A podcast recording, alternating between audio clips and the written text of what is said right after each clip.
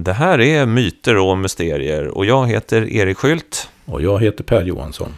Och det här är en podd som finansieras av er som lyssnar på oss. Och det finns ju två sätt att stödja oss. Det ena är att bli Patreon. Då blir man en typ av månadsgivare och eh, blir, lägger man en lite högre summa så får man också ta del av vårt eftersnack som vi publicerar i samband med varje avsnitt. Eh, det går ju också då att eh, stödja oss via Swish. Och jag tänkte att jag skulle läsa det här Swish-numret bara. Det är 123 565 3803.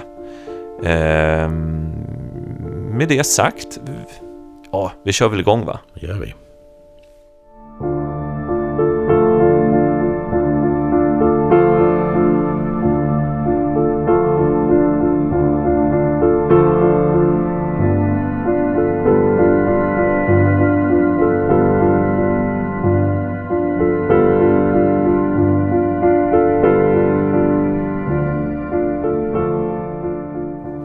Samband med förra programmet som hade rubriken Science Fiction så minns jag att vi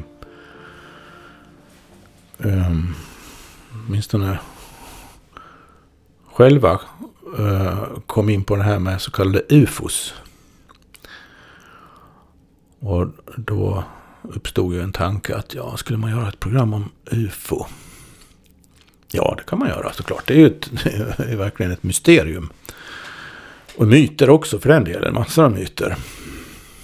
Så att det, man skulle kunna göra 20 program om det utan problem. Det är ett fruktansvärt rikt, rikt material. Så det uppstod det problemet för mig då vad man egentligen skulle börja i för ände eller överhuvudtaget ta upp för ände. För att täcka in allting som har hamnat under den rubriken. Det går ju liksom inte. Det går inte i en bok, det går inte i tio böcker, det går naturligtvis inte i ett program heller. Så Eh, hur, hur, ska man börja? Jag, tänk, jag tror att ett problem, och det här är alla som har seriöst intresserat sig för uh, ufo-problematiken, uh, vet om väl och har gjort hela tiden. Ett problem är ju definitionsfrågan här. Vad, vad, vad är det egentligen?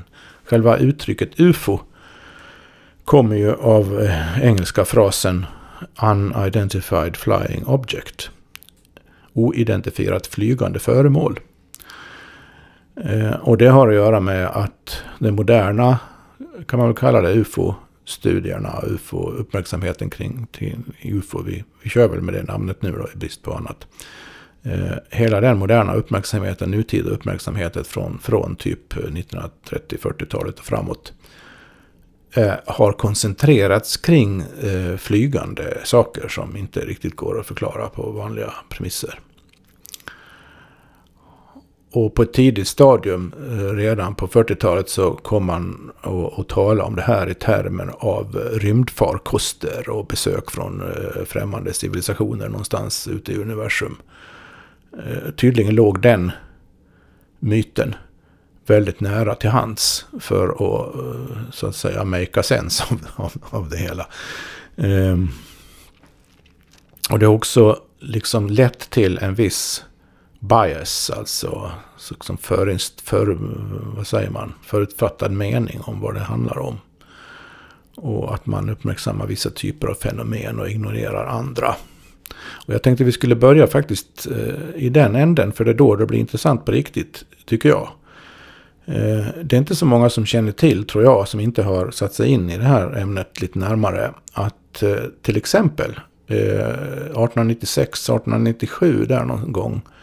Så rapporterades det över hela USA i amerikanska tidningar om mystiska luftskepp under en tid. Under en ganska lång tid och väldigt många, många, många, många liksom observationer och berättelser om detta. Och, och de som har kollat upp det här i efterhand i olika gamla lägg har kunnat konstatera att ja, men det, det, det här är liksom inga, inga påhitt, det är inga fria fantasier. Det här är för att det, det rör sig om synnerligen eh, pålitliga vittnen av alla möjliga slag som har sett de här luftskeppen. Eh, stora luftskepp då upplysta och ibland med strålkastare mot, mot marken. Och ibland har de, har de landat på någon ödslig gård och så har, det, har de eh, skickat ner en repstege eller något. Och, och, så har det klättrat ner någon person och sagt att ja, vi behöver reparera luftskeppet. Eh, och, och, och, alltså absurda historier, verkligen. Och, och så har de försvunnit igen. Och, och, och det, det, det, problemet med det här nu då från alla som väljer, för alla som väljer att inte ignorera det för att det är så absurt. Det blir ju, det fanns ju faktiskt inga luftskepp på den tiden. Det existerade i sinnevärlden, vanliga fysiska världen, inga luftskepp. Är det sant? Mm. Men, jaha. Vad såg de då? Ja, det undrar man ju. Mm. Mm. Och sen finns det, om man då, då och, och det, det, finns, de som har studerat det här då har kunnat konstatera vissa genomgående drag här, vissa återkommande drag i, i, i det hela. Eh, dels var de här observationerna har gjorts, vilka tidpunkter och vilken sorts observationer det har varit. Och det här, sådana här konstiga grejer som att de stannar och på något ödsligt ställe och så är det någon eh, enslig bondgård eller liknande. Och så, och så är det någon som vis, människoliknande gestalt som visar sig och, och säger att de ska reparera någonting. Ehm, Exakt samma saker är kända nu då från eh, våra dagar när det gäller så kallade UFO-rapporter. eller flygande tefat eller rymdfarkoster eller vad man brukar liksom associera till. Så eh, det är samma mönster. Beter sig på samma sätt. Lika absurda saker händer. Eh, det, det, det, finns, jag vet inte hur många väldigt väldokumenterade och trovärdiga rapporter om, eh, om man tänker sig ett flygande tefat så kallat, som har landat i någon skogsdunge eh, nära en gård eh, i amerikanska mellanvästern någonstans, säg. Det kan vara någon annanstans i världen också, men det är ju särskilt undersökt i USA och det här och en del andra länder. Och, och, och så den här överraskade bonden då går fram, eller vem det någon annan lantis, och så Jaha, vad, vad håller ni på med? Ja, jo, men vi, vi var tvungna att nödlanda här för vi måste reparera farkosten. Jaha, okej. Okay. Ibland ber de om vatten eller någonting. Så precis samma sak, fast i ena fallet då så har du luftskepp. Som ännu inte finns. I det andra fallet har du flygande tefat. Som kanske inte heller finns så som man tänker sig. Men uppenbarligen ändå finns på något sätt. För de syns ju och de mm. lämnar spår efter sig och de påverkar folk. Och inte bara psykiskt utan även fysiskt i vissa fall. Så, och, och, och det, det, som slår en om var och en som får för sig att man ska läsa lite ufo-litteratur kommer att, kommer att övers, vad säger man, översvämmas av, av, av sådana här beskrivningar av det ena mer underliga fallet än det andra. Av olika fenomen och väldigt väldokumenterat. Och det, det, det, det, det händer alla möjliga konstiga saker. För att, för att inte tala om det här som kallas för alien abductions. Alltså att, att någonting som påstås vara utomjordingar eller aliens eh, rövar bort folk. Eh, ibland permanent, ibland oftast tillfälligt bara och gör, säger att de gör några experiment på dem och allt möjligt. Och det verkar lite drömlikt men det, men det, det, det samtidigt eh, verkar, eh, känns för de som drabbas eh, extremt realistiskt och även fysiskt eh, påtagligt. Och det fanns till exempel en professor i psykologi, eller om det var psykiatri vid Harvard universitetet i USA, som hette John Mack. Han, han fick höra talas om de här eh, eh bortrövandena och tänkte det här är nonsens. Det här är jättekonstigt men uppenbarligen någonting som många tror på och verkar drabbas av. Och jag ska ta och undersöka saken. Så det gjorde han. Eh, och kom fram till att han kom inte fram till vad sjutton det var som hände egentligen. Men han kom fram till en sak. Och det är ganska anmärkningsvärt egentligen. Och viftar man inte bort i första hand taget. Det är att de här människorna som han intervjuade, jättemånga. De uppvisade alla kända, klara tecken på, på, på att de har gått igenom ett trauma. Om det bara är drömmar eller fantasi eller inbildningar, då drabbas man inte traumatiskt. Traumatiskt drabbas man bara om det händer någonting som är på riktigt. Mm. Och, och frågan är då, vad är, vad är det? Ja. För, för att det är uppenbart att det eh, inte går, det går faktiskt inte. Det är många som, den vanliga uppfattningen, den här populära uppfattningen, den mytologiska uppfattningen, den liksom eh, science fiction-uppfattningen om det här. Det är ju att det kommer liksom eh, besök från främmande civilisationer av ett eller annat skäl. Och det finns otaliga spekulationer om varför och vem och hur och allt möjligt. Men, men ingen av den typen av, man kan kalla det materialistiska idéer, kan överhuvudtaget förklara alla underligheterna i sammanhanget. För är det, är det, finns det någon gemensam nämnare för alla de här typerna av fenomen så är det att de, är, de är, eh, har allihop i stort sett absurda inslag. Mm. Ja, det här, det, här är, det här är otroligt intressant. Ehm, jag tänker på en sak att ehm, just det här med ufon är ju väldigt, alltså det är väldigt utbrett. Jag, jag, tror att på ett sätt så är det lite som spöken. Eh, att jag, jag, jag, tror att man kan höra sig för i sin vänskapskrets och säkert kommer få höra en och annan historia. Jag har en kompis till exempel som, han har det lite som, jag vet inte riktigt hur allvarligt han tar det. Han har det lite som en sån här festhistoria som man kan berätta liksom, när det blir lite sent. Hur han har blivit jagad av ett rymdskepp. Mm. Man upplever att han, han var ute på, jag tror det var skånska landsbygden, en sen natt. Jag tror han cyklade hem. Och så plötsligt så var det, nej men det är ju det är någon stjärna som lyser ovanligt starkt. Men det är inte en stjärna, den, den förföljer mig. Den åker bakom mig. Och den där erfarenheten var, det hände inget mer än det, men han, han kunde liksom inte släppa det. Och ja, han är ingen konstig person i övrigt. Mm. Han har den erfarenheten. Och det finns andra detaljer kring det också förstås. Men, men, men det här, det säger någonting att, och jag har hört det från andra också, det, det är vanligt. Ja, han är ju inte ensam. Verkligen nej, inte. Nej, nej. Det finns ju alltså vid det här laget säkert miljoner sådana berättelser. Mm.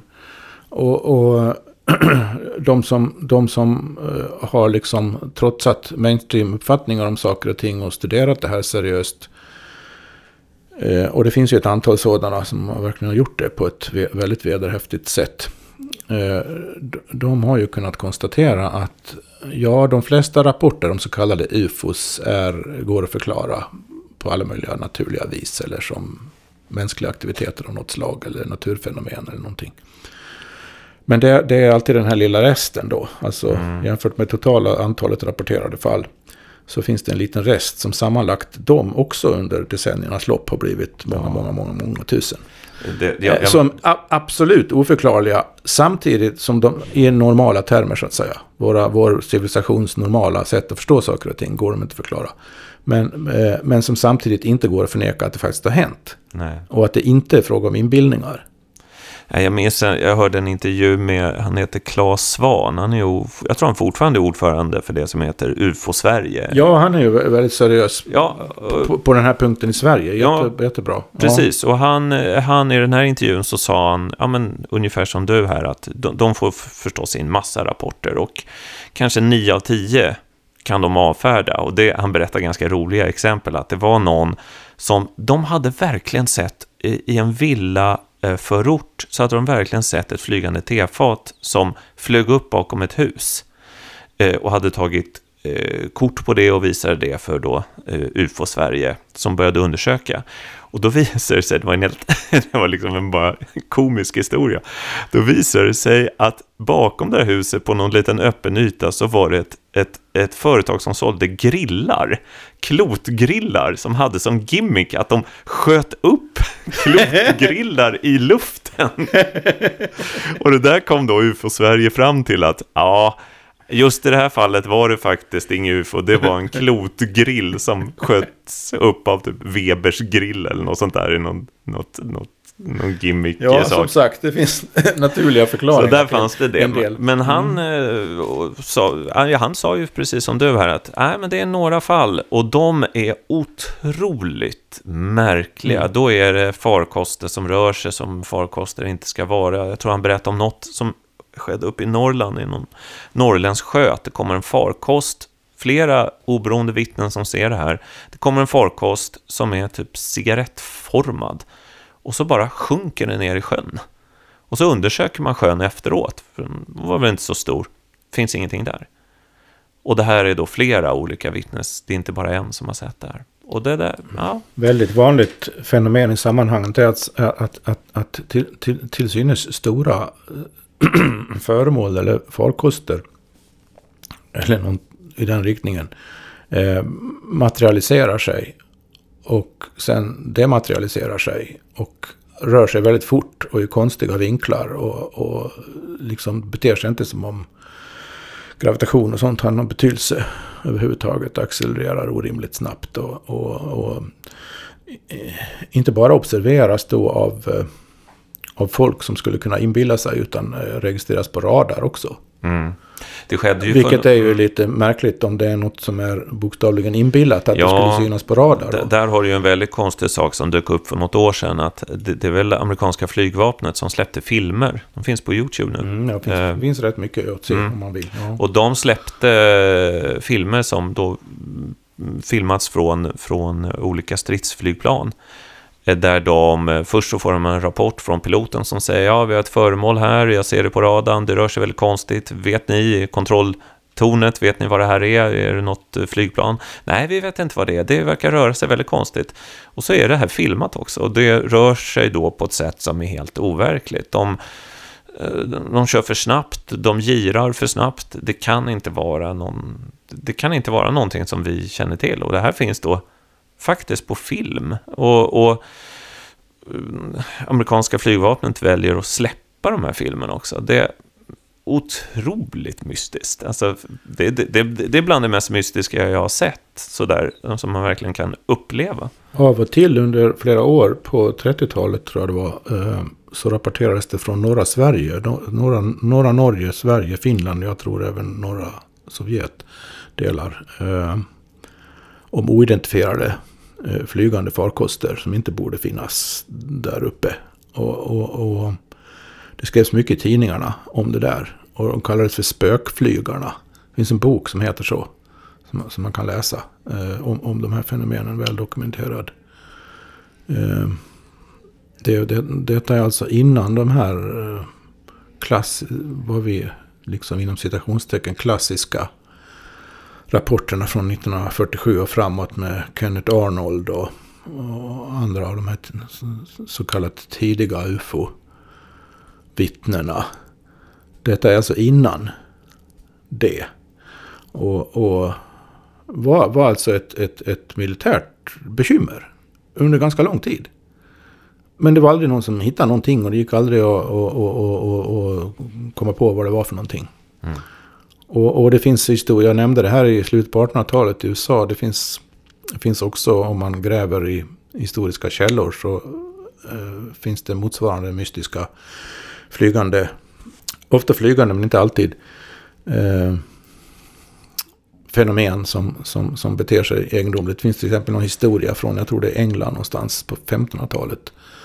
Eh, eh, eller medeltiden någon gång, alltså flera hundra år sedan, eh, om ett flygande skepp som eh, stannar till ovanför en kyrka medan det pågår gudstjänst och slänger ner ett ankare. och, eh, och folk kommer rusar ut där och liksom, oj vad konstigt. Och så är det någon som klättrar ner för det där repet från ankaret. Och, och, och, ungefär som samma sak som det där med luftskeppen och ufona, nutida ufona. Liksom att eh, det har blivit något fel, de måste fixa någonting. så just den... Det, just, det tycker jag är sådär liksom extra egendomligt, minst sagt. Hur, hur kan samma typ av historia, eller upplevelse, eller, eller observation, eller vad sjutton ska man kalla det, rapporteras från olika århundraden med olika typer av farkoster. Det kan vara liksom eh, segelbåtar, eller det kan vara luftskepp, det kan vara flygande tefat, det kan vara eh, något annat mera teknologiskt. Men de beter sig lika konstigt allihop. Irrationellt. Fullständigt bisarrt. Det finns ju de här riktigt gamla berättelserna också. Eh, alltså från antik tid. Eh, ja, det finns ju de som säger att det finns ufon med i Bibeln också. Det är väl Hesekiel, tror jag, som mm, mm. får någon typ av uppenbarelse.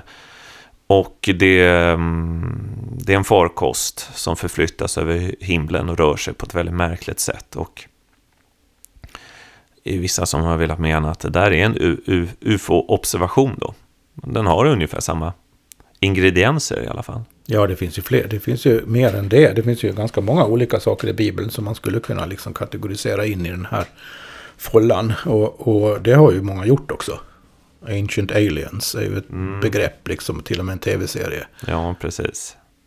Mm. Men om vi ska gå in lite på vad, vad kan det här vara? Alltså den, det, det finns ju en, en ganska mm, vanlig förklaring som är ungefär så här. Den är fortfarande mystisk, men, men den är i alla fall lite åt ett psykologiskt håll. Och den säger väl att ja, alltså i alla tider så, så ser människor märkliga saker.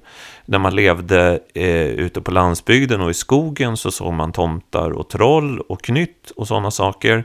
Och sen så när då eh, världen blir mer modern och det, eh, det okända kanske finns eh, uppe, upp, i rymden eller i, uppe i himlen för att vi ändå börjar bygga farkoster som kan flyga, inte lika avancerat, men, men liksom luften och det flygande hamnar ändå i folks medvetande, då är det där som man börjar se de här mystiska sakerna. Och att det här är någonting som hänger ihop med, att, med, med det mänskliga sättet att uppfatta världen. Att vissa personer under vissa tider, kanske på vissa platser, ser konstiga saker. Men att det är liksom kulturellt färgat av sin tid. Det där var ju en, en, en, en, en tes som har drivits väldigt kraftfullt av en av de absolut främsta ufo-forskarna, astrofysikern Jacques Vallée, fransman. Eh, som, som har studerat det där väldigt ingående. Han, han eh, till skillnad från de flesta andra ufo-forskare så det finns en annan, eh, en amerikansk undersökande journalist också av den seriösa skolan som heter John Keel som, som jobbade lite grann på samma sätt. Nämligen de eh, bestämde sig för att, eh, in, att inte för, vad ska man kalla det, att inte i förväg kategorisera saker och underliga fenomen utan att studera alla underliga rapporter Eh, mystiska ljusfenomen eh, och, allt vad det kan vara. Inte bara sånt som liksom gick, in, gick att sortera in under rubriken flygande tefat eller rymdfarkoster. För Det fanns nämligen väldigt tidigt, redan från 40-50-talet och framåt, fanns det väldigt tidigt en tendens att bara skriva om och rapportera och framförallt bara undersöka de fall som verkade vara åt det hållet. Medan alla andra fall som var mycket konstigare och inte gick att förklara på det sättet. De, de skrev man inte om. Men Kiel och, och Vallée då, de, de hörde till dem som de studerade alla, alla fallen och även historiskt.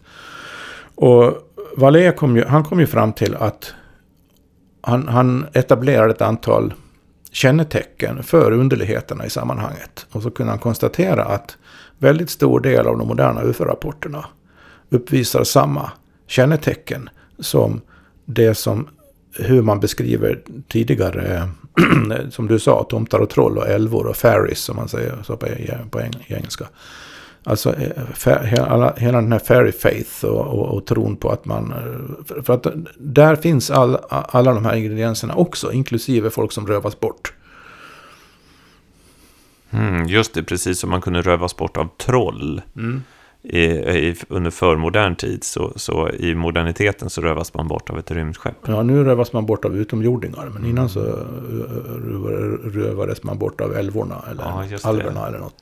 Men är det här då, vad, vad, vad, skulle du säga, är det här bara människans fantasi som löper amok? Eller finns det något? Finns det något reellt? Alltså, Det, det är klart det finns någonting. Det måste ju finnas någonting. Det är ju, re, det är ju reella fenomen. Men de, deras realitet är av ett slag så att de själva feno, Låt oss ta ordet fenomen bokstavligt här. Det kommer, det kommer från en grek, ett grekiskt ord som... ett, eh, ett ehm, eh, grekiskt ord som är ta, ta phenomena. Det som är ehm, passiv particip av Faino som betyder uppenbara sig. Så alltså fenomen är alltså något som uppenbaras, något som visas. Observera den här passiva formen. Så fenomenet är alltså det man ser eller erfar med något annat sinne. Eh, låt oss säga ser. Om du ser någonting så är det ett fenomen. Men, det du, men orsaken till det du ser, upphovet till det du ser, det ser du inte. Så att man måste skilja på upphovet, orsaken och fenomenet.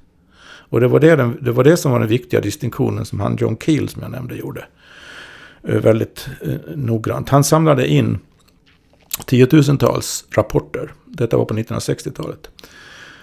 Eh, och, och, systematiserade dem. Och han hade ingen som förutfattad mening om att det skulle vara eller påminna om lymffarkoster eller någonting. Och eh, kom fram till då att så småningom hade han så mycket material och kunde se så mycket mönster i det hela. Så att, eh, tydliga mönster i det hela. Så att han eh, kom fram till vilken fråga man egentligen borde ställa. Och jag tycker fortfarande detta är den absolut en av de i särklass bästa studierna fortfarande som har gjorts av hela ufo-problematiken. Och som ställer den rätta frågan, nämligen det händer någonting. Folk är med om någonting. Folk observerar någonting. Det har effekter. Det har konsekvenser, både fysiska och psykiska. Det påverkar människors liv. Det är någonting som ligger bakom det hela. Det finns en intelligens bakom. Men denna intelligens kommer han fram till och gör väldigt tydligt. Jag ska inte upprepa alla hans argument. Eh, det bästa sammanfattningen är i en bok som heter Operation Trojan Horse. Operation Trojansk häst. Där han kommer fram till att det är en i vanlig materialistisk mening icke-materiell intelligens som ligger bakom de här fenomenen. Och som har som genomgående syfte att bedra, lura, förvirra människor. Hmm. Det låter inte särskilt snällt. Nej. Och han menar de absolut inte några utomjordingar eller extraterrestrials, alltså från andra planeter eller någonting. Helt uteslutet menar han. Det finns ingenting, ingenting som tyder på det. Och det efter att jag läst det här av, om rätt mycket om det här av och till och jag inklusive massa rapporter. Jag, jag, jag skulle hålla med om det. Jag, jag ser ingen anledning till att tro att det rör sig om, om några utomjordiska civilisationer som är på besök. Utan det, det här är något inomvärldsligt fenomen. Uh, utomvärldsligt, inomvärldsligt så att säga. Det vill säga det, det, är en, det är fler dimensioner av tillvaro inblandade här. Det var ju väldigt intressant det du sa att du kan inte få ett trauma eh, av en dröm. Till exempel. Du kan inte själv suggerera ett trauma. Traumat måste komma utifrån. Mm. Och redan där så har du ju någonting att då måste någonting ha kommit utifrån, vad det än nu är. Mm. Uh... Det speciella med Kiel också intressant är att han, han eh, läste ju då in sig och intervjuade och studerade inte bara det som de flesta ufo-forskare intresserar sig för. Eh, eller de som, eh, jag menar, en del förtjänar, väldigt många förtjänar ju inte namnet forskare i sammanhanget såklart. Men, men det finns ju ändå en del. Eh, jo, till skillnad från de flesta, oavsett halt, så studerar han också alla möjliga eh, så, eh, så kallade okulta fenomen. För att, eh, och kom fram till att ja, men det här är ju samma sak det. Som att alla, alla rapporter från, all, från, från alla tider om hur demoner beter sig stämmer ju också överens. Precis som Jacques Vallée hade kommit fram till att det här stämmer överens med tomtar och troll. Sådana historier. Så kom Kiel fram till att ja, men det här stämmer ju överens med hur man rapporterar hur demoner beter sig. Mm. Så, så han, han eh, land, det, därav lite grann den här titeln för den här kända boken då. Som jag kan rekommendera för den som är intresserad. Eh, Operation Trojan Horse. Ehm, det finns alltså en icke-materiell intelligens som gärna vill påverka människor på ett sätt som leder till att de egentligen tappar förståndet och uh, blir vilseledda och leds in på en massa uh, meningslösa uh, aktiviteter. I något eget syfte då. Mm. För att någonting som man kanske ska särskilt vad jag har läst om de här... Man ska inte glömma förresten, apropå det demoniska här nu då, ja. att, att, att en, en, en väldigt vanlig och dominerande reaktion på att vara med om någonting i den här, åt det här hållet är ju att man blir väldigt rädd. Och, och som sagt trauma, i synnerhet om man blir bortrövad mitt i natten och upplever det som en fysisk händelse. Så, så eh, det är inte så kul. Så, och, och, och, det är också ett genomgående drag hos, hos inte riktigt alla, men definitivt en majoritet av, av de här historierna som man kan hitta i, i litteraturen Eh, och rapporterna. Det är att eh, det, det, det är ett obehaglig stämning över alltihopa. Mm. Och det, eh, jag gissar att de här personerna då som undersöker det här har kollat upp så att det inte, för jag hör ju en invändning i mitt huvud här som är, jo, jag förstår, men tänk om traumat hade kommit tidigare, men att det då ligger på något sätt i ditt omedvetna och så är det så här det gestaltas. Bara väldigt enkelt, säg att du är med om något fruktansvärt i barndomen, övergrepp eller någonting, och sen så ligger det latent där och sen så gestaltas det på det här sättet, det är det enda sättet du kan komma åt det. Just det, den frågan ställde sig naturligtvis han Harvard-professorn jag nämnde, mm. John mm. Mack.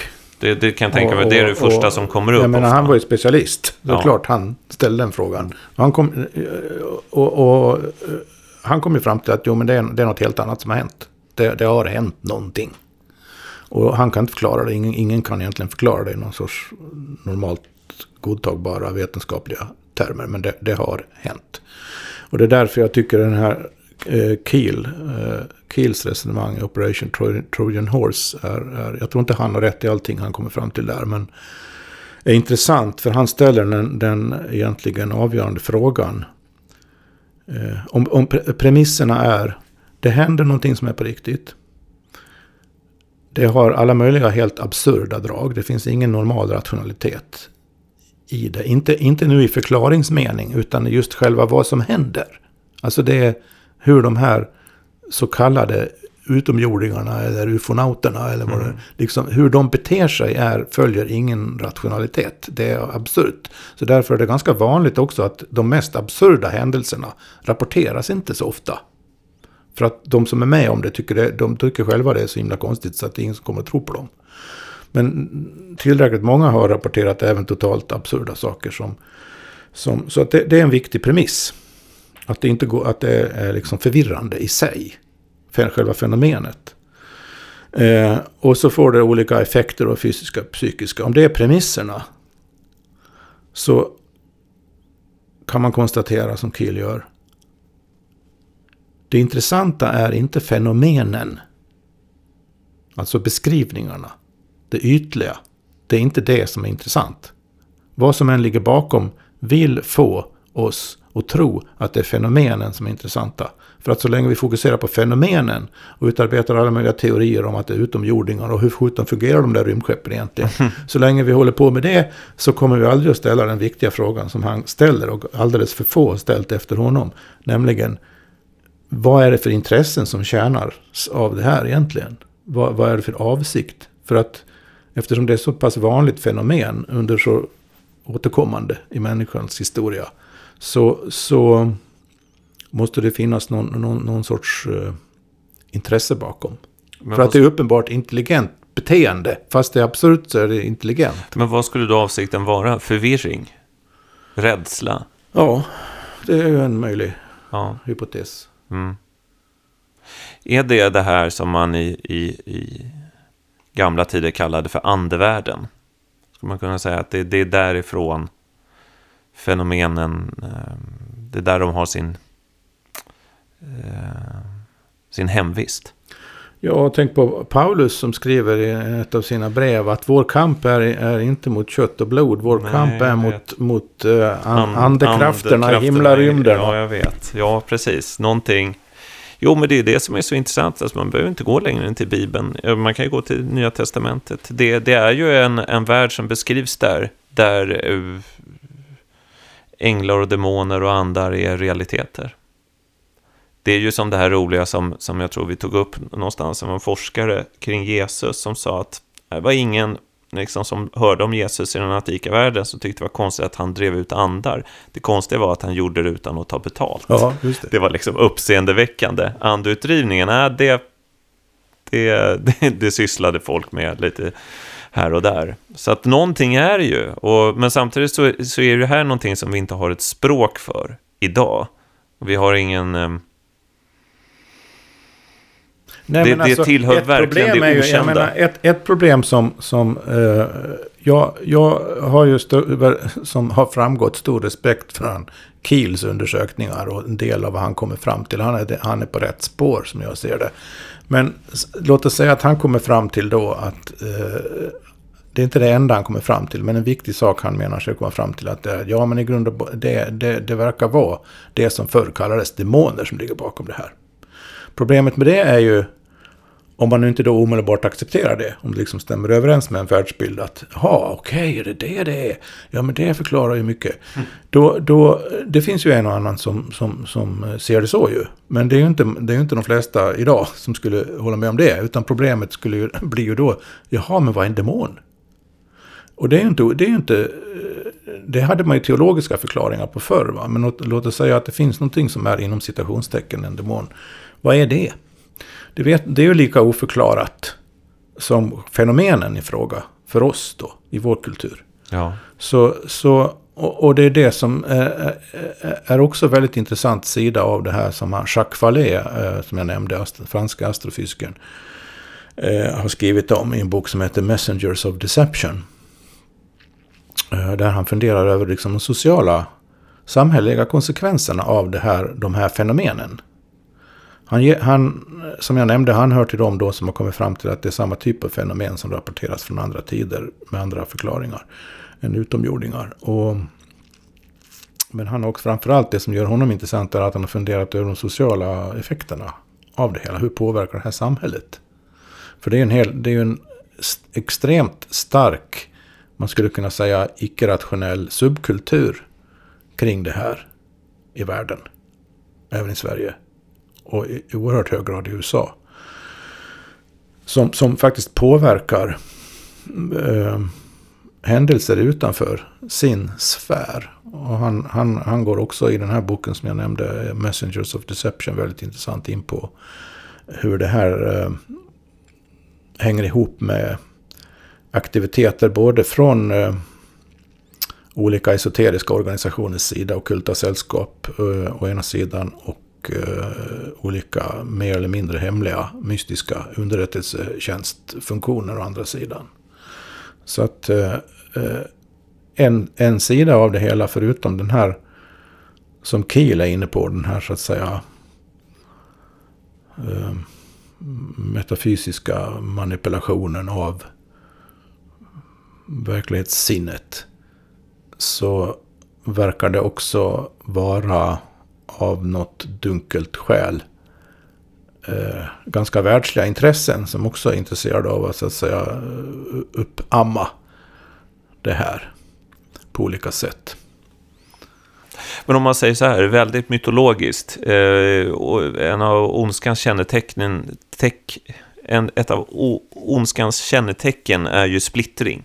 Ja. Och eh, den som är med om det här, eh, av det här mer traumatiska slaget, eh, blir inte förstådd.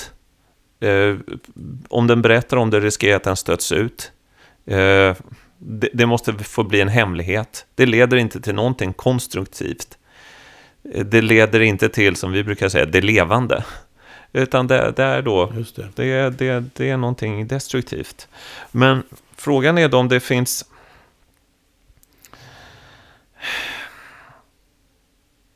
Jag menar, eh, okej, okay, vi, vi går in i en sån metafysisk värld då, att det, det, finns en, det finns någonting reellt i grunden här.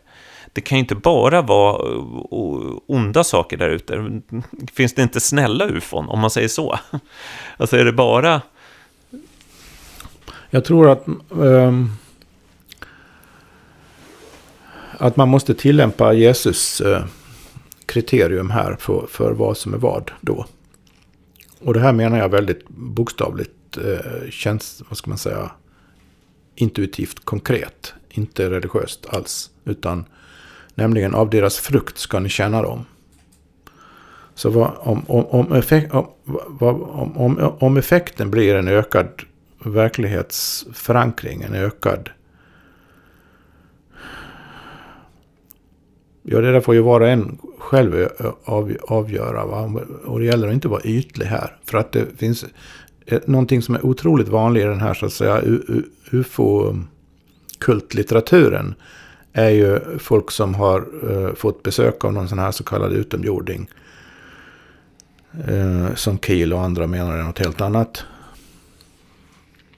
Och så levererar de något frälsande budskap om, om, om och, och de bildar grupper och sekter och, och, och, och det blir någon sorts sån här liksom new ageiga, nyreligiösa kultsektformationer. Det finns otaliga.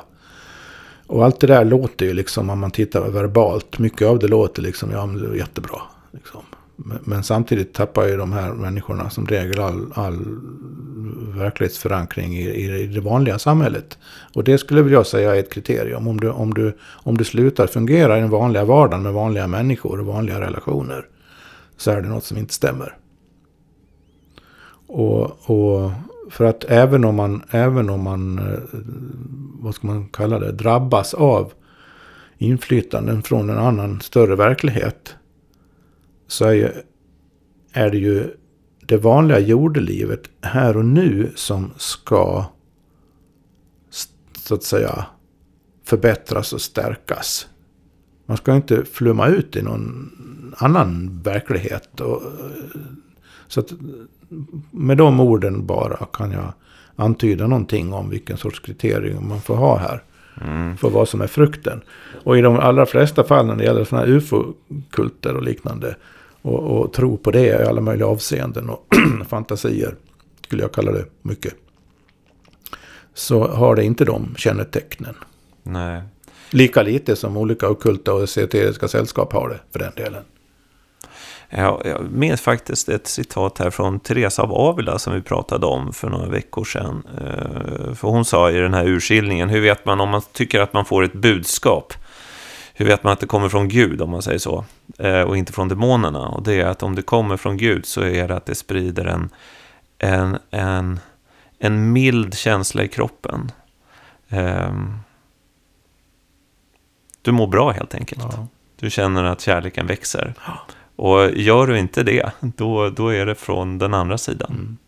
Och det, om man drar det då väldigt hastiga hopp här, om du drar det till de här ufo-konfrontationerna så, så är det ju inte den, den milda, mjuka känslan i kroppen som sprids. Nej, men ta, ta, en av de, ta en av de mest kända sådana här så kallade contactees och, och uh, med, apropå alien abduction och, och liknande, Whitley Strieber som eh, var väl på 80-talet hans första bok kom. Som jag tror den hette Communion eller något sånt.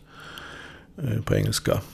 Jag tror till och med den översattes till svenska. Jag har något minne av att han, han var på någon turné i Sverige. Och, och, och, jag såg honom på tv till och med. När den här boken hade kommit. Han har skrivit mycket sen efter det. Både romaner och fortsatt den här berättelsen om, han var, om vad han har varit med om i de här påstådda utomjordingarnas händer. Han, han höjde det i och för sig till dem då själv. Som säger, han, han accepterar inte nödvändigtvis någon utomjordingshypotes heller. Han, han är en tänkande person i och för sig. Men om man, om man då... Om, om, om man läser hans beskrivningar av vad han har varit med om. Så är ju de sjuka. Alltså våldtäkt i princip. Av alla möjliga, på alla möjliga sätt och vis. Och, och väldigt traumatiskt. Och han, han, han säger ju själv också att det är traumatiskt. Och ändå, ändå kommer han på något sätt fram till att i slutändan, och det finns, kan man läsa andra böcker av honom, att ja, men det, det, är ändå någon sorts positiv konsekvens av det hela. Och det har förändrats hans världsbild och det är till det bättre och, och så vidare. Där är det ju någonting som, som inte stämmer alls. Det är, det är, rena, det är någon sorts eh, andlig motsvarighet till, till Stockholmssyndromet. Ju. ja, det är sant.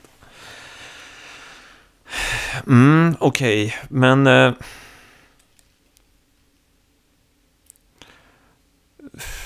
vi säger så här då. Eh, finns det någonting i, i de här studierna som... som finns det några Finns det några tecken eller no några indicier på vilken typ av människor som, som är med om det här? Kan det vara vem som helst? Eller handlar det om platser eller handlar det om... Um... Min generella slutsats av alltihop det här, oavsett förklar, vad ska säga, möjligheten till förklaring på olika premisser här, det är att jag tror att man måste landa i någon någon uppfattning som innebär att verkligheten, hela verkligheten är graderad så att säga i olika, låt oss kalla det dimensioner. Eller nivåer. Eller, det spelar ingen roll vad man använder för ord här, bara man förstår att eh, det vi i vardagslag uppfattar som den fysiska, påtagliga, synliga verkligheten är bara en utsnitt av den totala verkligheten i andra i, i en annan så att säga dimension av verklighet så är lika reell. Och denna, denna dimension eh, kors, korsar så att säga gränsen emellanåt. Det vill säga det pågår aktiviteter och det finns entiteter och varelser och viljor i den här andra dimensionen som, är, som manifesterar sig i vår nuvarande dimension. Mm. Men finns det inte och, no mm. och, och, och, ha kontroll över det. Alltså en del, en, en, del har säkert ingen kontroll. Det bara händer spontant och liksom oj då. och med, medan andra har, har andra starkare så att säga makter på den sidan har kontroll. Det kanske till och med finns någon sorts magiska teknologier i sammanhanget. Inte vet jag. Som, som, eh, så att eh, om man inte tänker i de termerna så kan inte jag se överhuvudtaget hur man kan få någon sorts förnuftsmässigt grepp om det. För då, då, då, då, då landar man i ett av två alternativ. Antingen säger man ja nej men det, det, det, det måste bara vara, det, det, kan inte vara någonting annat än inbildning alltihopa. Jag befattar mig inte med det, ta bort det liksom. Det är ena alternativet. Det andra alternativet är att man, är, är att man ger sig in i någon sorts totalt irrationell soppa av bristande urskiljning. Så det, mitt tredje alternativ det är att man inser att verkligheten har olika dimensioner och ibland så korsar saker dimensionerna. Och att bakom detta korsande ligger någon form av avsikt beroende på vem det är som korsar och varför. Men, eh, men en av slutsatserna av allt du har sagt är ju att mycket av det här som vi har talat om är, är ju då har någonting negativt över, sig. Ja, det, det, jag tror det är en väldigt bra default-position, alltså utgångspunkt. Ja. Att, att, att, att utgå ifrån att praktiskt taget allting som beter sig på det här absurda viset är inte av godo. Det absurda är alltså... Alltså det absurda och det onda hänger ihop. Ja. Det, det, det är en intressant tanke. Men då, det är absurditet på, av ett speciellt ja. slag här nu. Det finns, ju en, det finns ju någonting som det rationella intellektet säger är absurt för att det kan inte logiskt Nej. förklara det eller mm. förstå det på, på sina Nej, det accepterade premisser. Det, det, är inte absurt på det viset. Det är liksom bokstavligen absurt. Det, går inte, det, det, passar inte in i någon logik annat än, annat än i, i den här jag sa, va? att det finns en avsikt att förvirra. Om man säger så här då, alltså galenskap att, att eh, alltså en typ av, som vi idag kallar en typ av sån, ett psykiskt lidande som blir så, så stort så att det blir psykotiskt. Det är ju en fruktansvärd erfarenhet och ett fruktansvärt tillstånd eh, som, som är djupt smärtsamt. Och det är ju faktiskt när verkligheten liksom upplöses och blir absurd. Ja, så alltså ska man prata om syften då så ja. Eh, bakom de, de här fenomenen. Och, och, och kom ihåg då den här distinktionen jag gjorde mellan upphov och fenomen. Ja. Om, om avsikten bakom fenomen, det vill säga upp, upphovsavsikten bakom de här absurda fenomenen.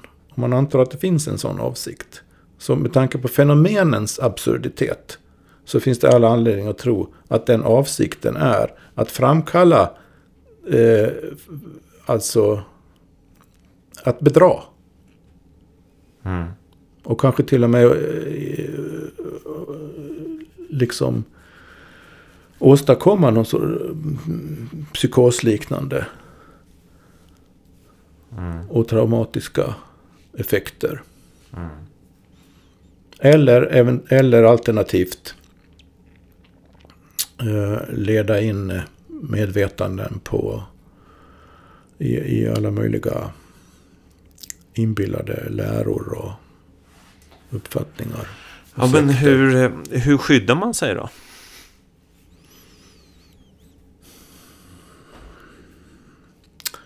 Genom att i sig själv urskilja, sträva efter att odla, åkalla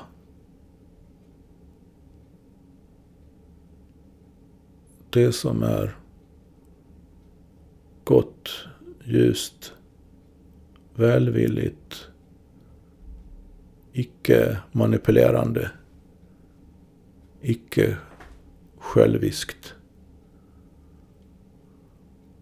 Varje, varje normalt funtad person med någon urskiljning tror jag kan lära sig att göra den urskiljningen i sitt vardagsliv. Och det är samma i förhållande till andra människor.